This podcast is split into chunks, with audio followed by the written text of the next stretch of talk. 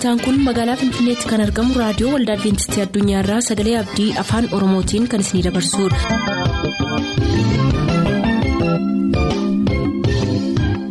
harka fuuni akkam jirtu kabajamtoota dhaggeeffattoota keenyaa nagaa fayyaanne waaqayyo bakka jirtan maratti isiniif haa baay'atu jechaa sagantaan nuti har'aaf qabannee isiniif dhiyaannu sagantaa maatiif sagalee waaqayyoo ta'a gara sagantaa maatiitti haa dabarru.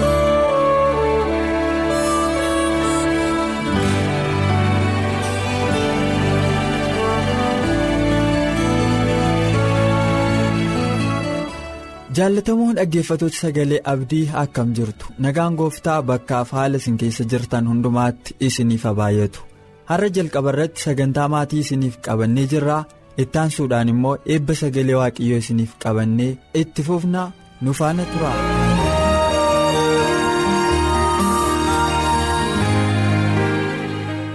toligaa paaster torban darbe maatiin fakkoommii gaarii ijoollee isaaniif ta'uu akka danda'an dubbannee turre.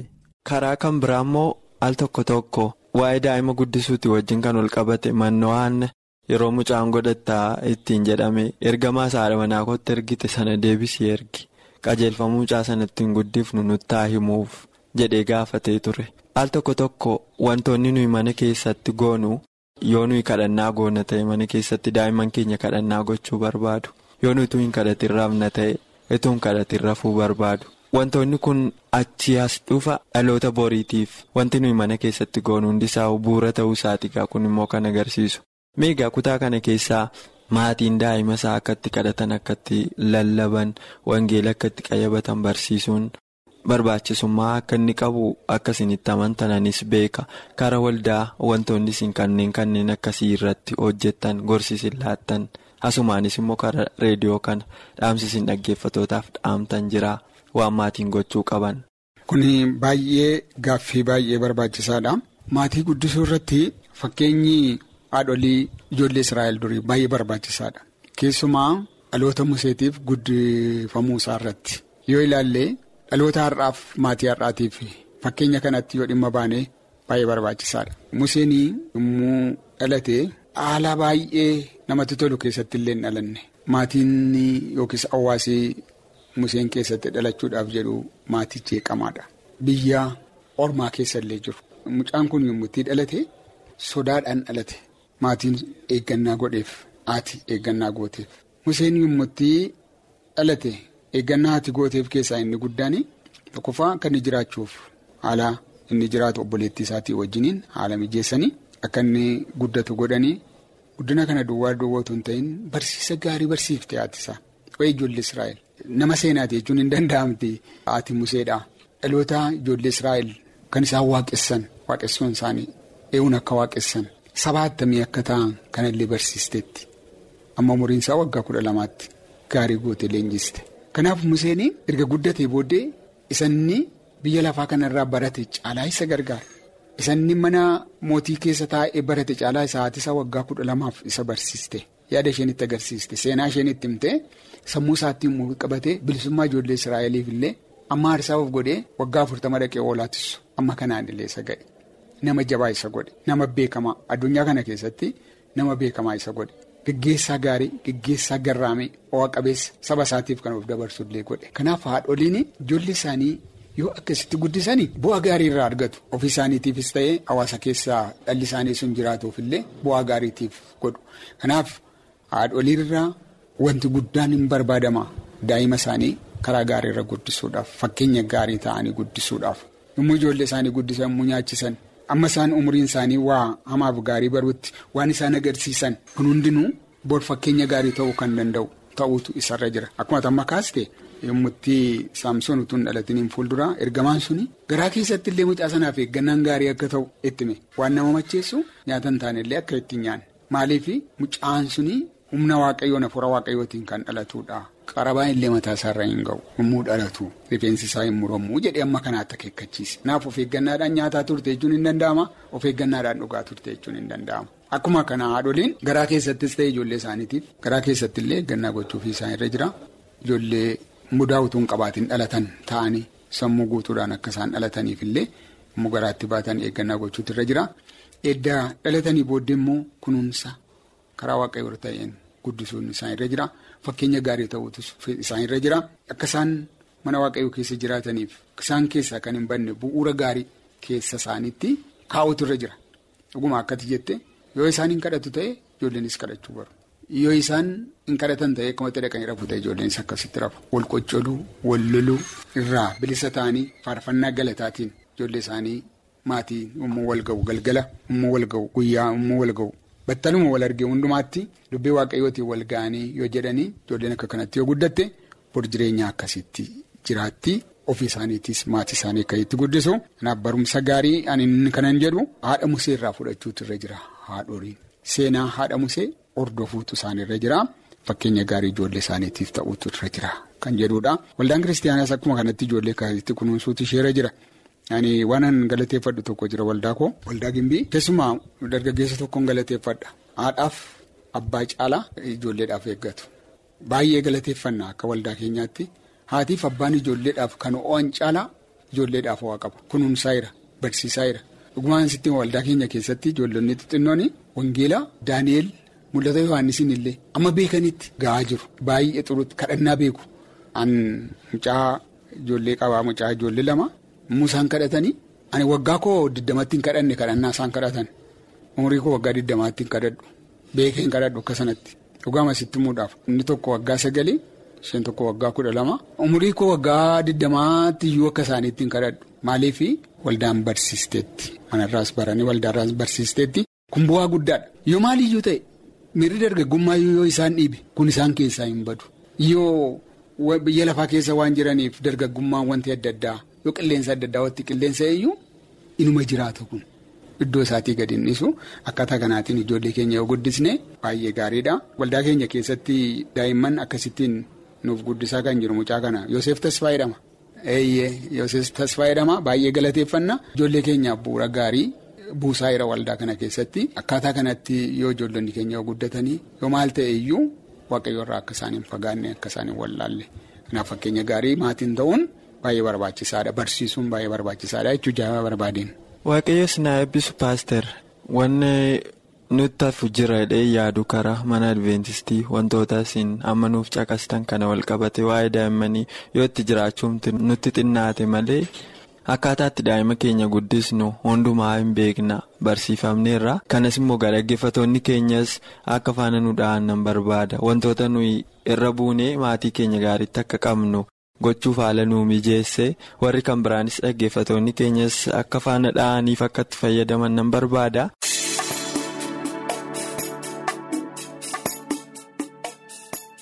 dhaamsa nuuf eertaniif waaqayyo sinaa eebbisu dhaggeeffatoota keenyaanis turtii nu waliin gootaniif ulfaadhaa jecha sagantaa torbeetiin hamma wal arginutti nagaan nuuf tura.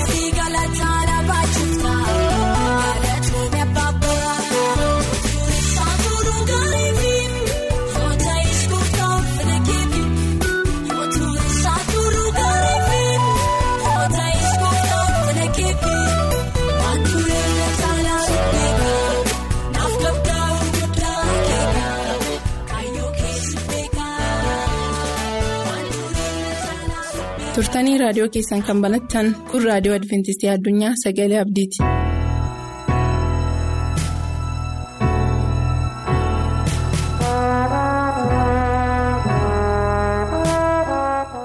attam jirtu dhaggeeffattoota sagalee abdii bakka jirtan hundumaatti nagaan waaqayyoo isiniif haa ta'u jechuun jaalladha maqaan koo efreem waggaariin jedhama mata duree yeroo ammaa kana utuun isinii hin qoodin fuuldura kadhata gabaabaa bakka jirrutti mataa keenya gadi qabannee hin godhanne.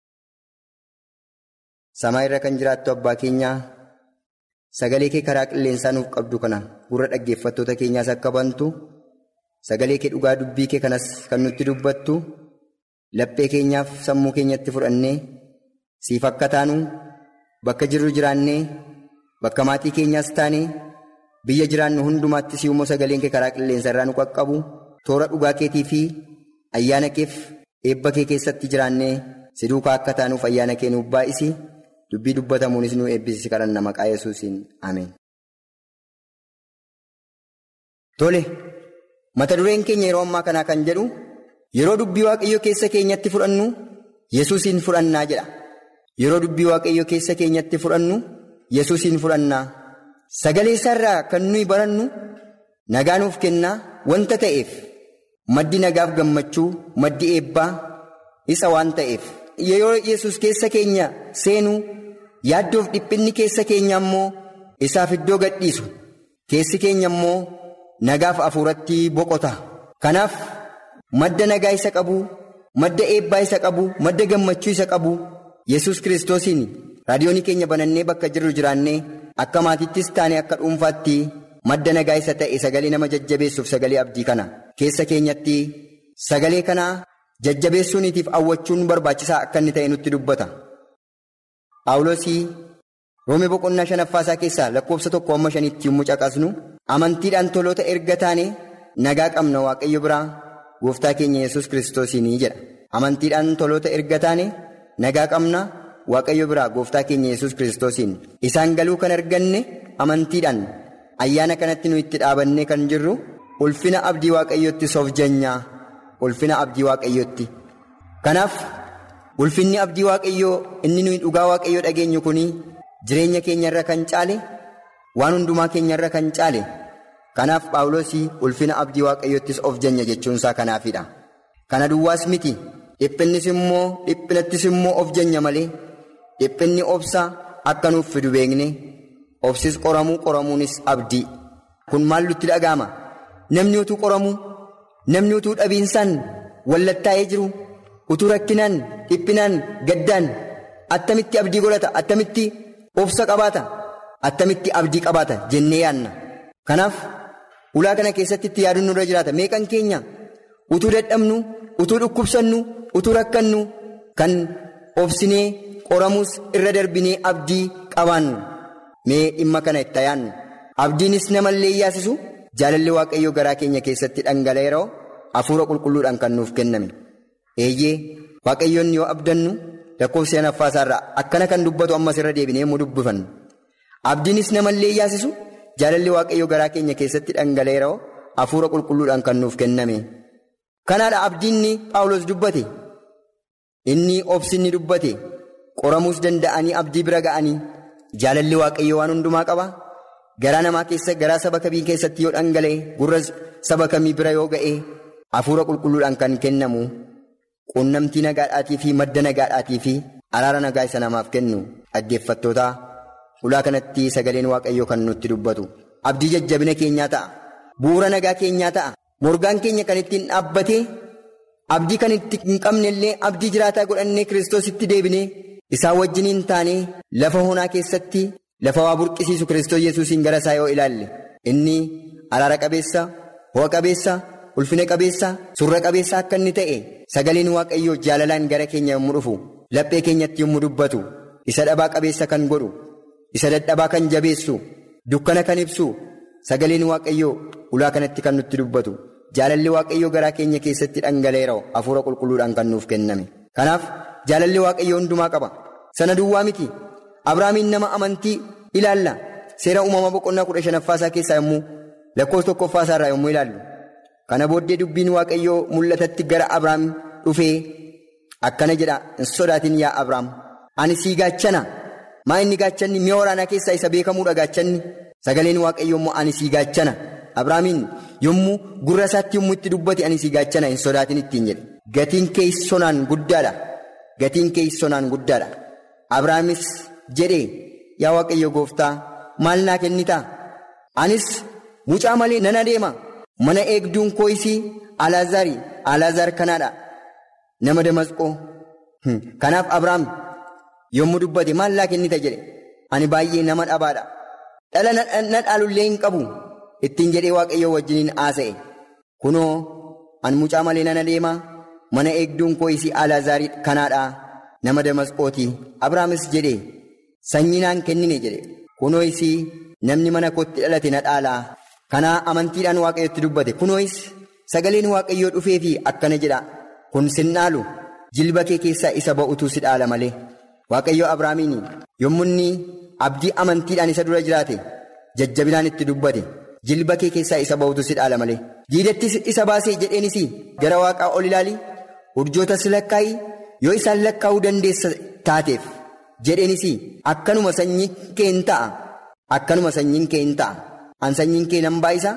Gara waaqaas ilaali urjootas lakkaa'i yoo isa dandeessa taate. Kanaaf lakkoofsa ja'affaa isaarraa mee haa ilaallu. Haa hubannu. Abrahaamis waaqayyotti amane tola ta'ees lakkaa'ameefii jedha. Firoottan waaqayyoo kun dinqiidha. Namni yeroo keessi isaa nagaa argatu yeroo waaqayyotti amanu duwwaadha. Namni yeroo keessi isaa gammachuu qabaatu yeroo waaqayyotti amanu duwwaadha. Namni keessi isaa qajeelummaa yeroo yaadu yeroo waaqayyotti amanu duwwaadha.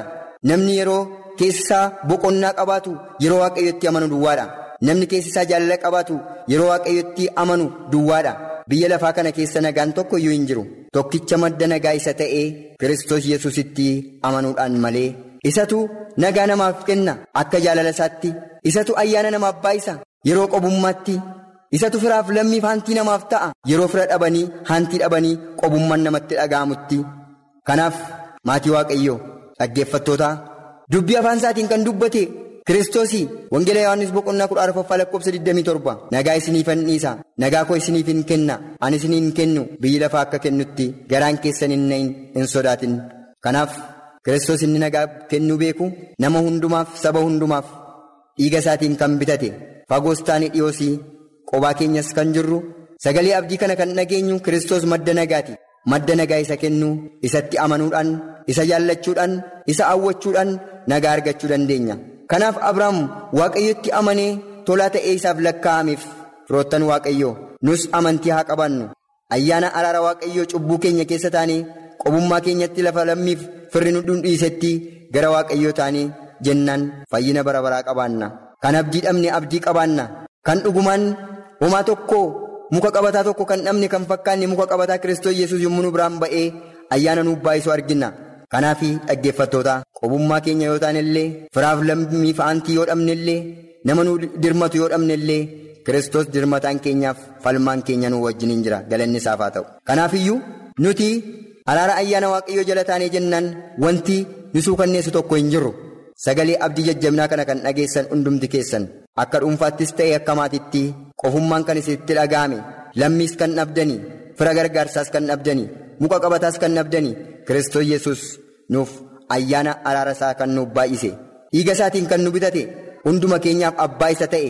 Isin immoo ijoollee koo hin taatu jedhee dhaaltota nu gochuu isa barbaade. Gara isaatti haa deebinu. Kanarraaf dhageenyu isuma kana nagaan waaqayyoo turtii isin keessa jirtan hundumaatti haala isin jiraattan hundumaatti ayyaanni waaqayyoo hunduma keessaniif haa baay'atu. Isa dhageenyi nuuf haa eebbisu.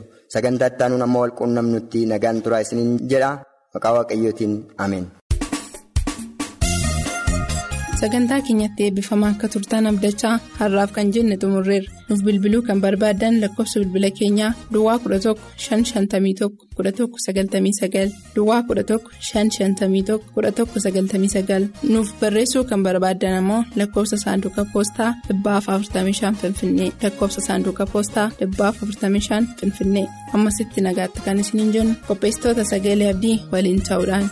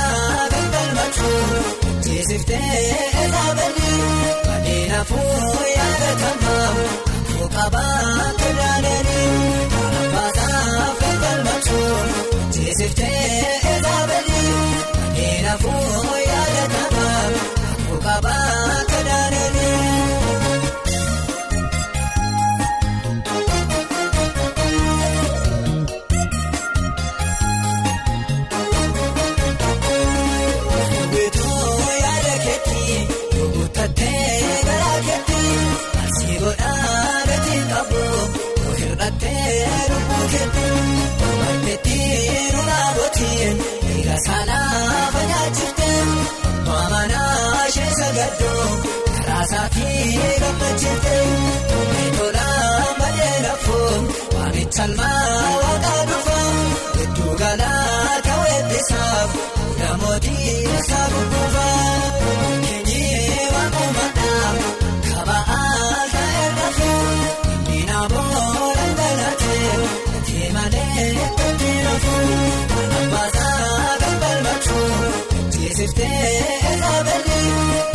naafuu yaadatamaa koo qabaa kudhaalee abbaasaa kan balmachuun teessiftee eegabalii naafuu yaadatamaa koo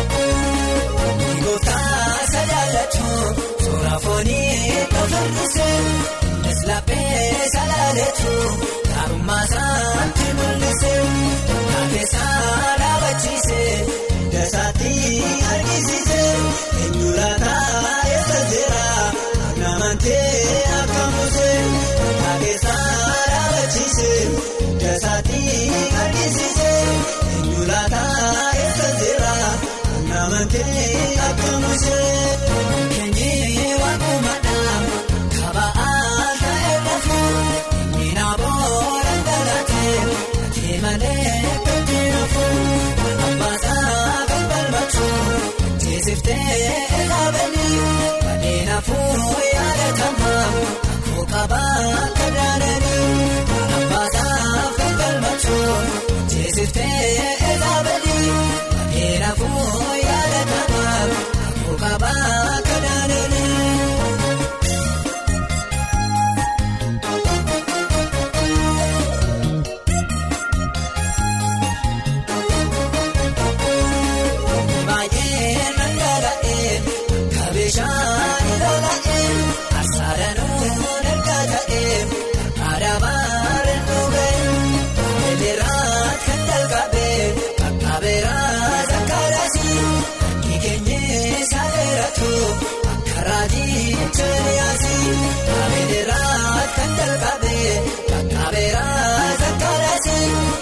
keenyee saaleratu karaatii cheriyaasii. Kaba'aa ta'ee lafoo inni booda dhalatee gatii malee gatii lafoo abbaasaa kan balmachuun teessiftee eegabalii baadhee naafuu yaadatamaa koo qabaa kudhaalee abbaasaa kan balmachuun teessiftee eegabalii baadhee naafuu yaadatamaa koo qabaa kudhaalee.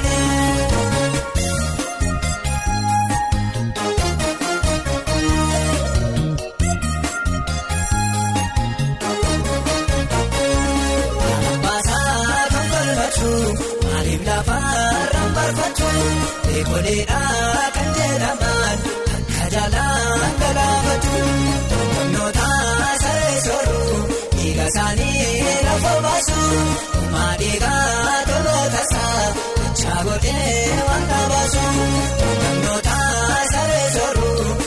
isaanii lafa baasu maadhiigaa raajota isaa chaagodhee waan baasu. Maadheegaa bakkoota isaa chaagodhee waan baasu maadheegaa nama isaatiin chaagodhee na baasu maadheegaa mucaa isaatiin chaagodhee na baasu maadheegaa biyya isaatiin Chagodhee na baasu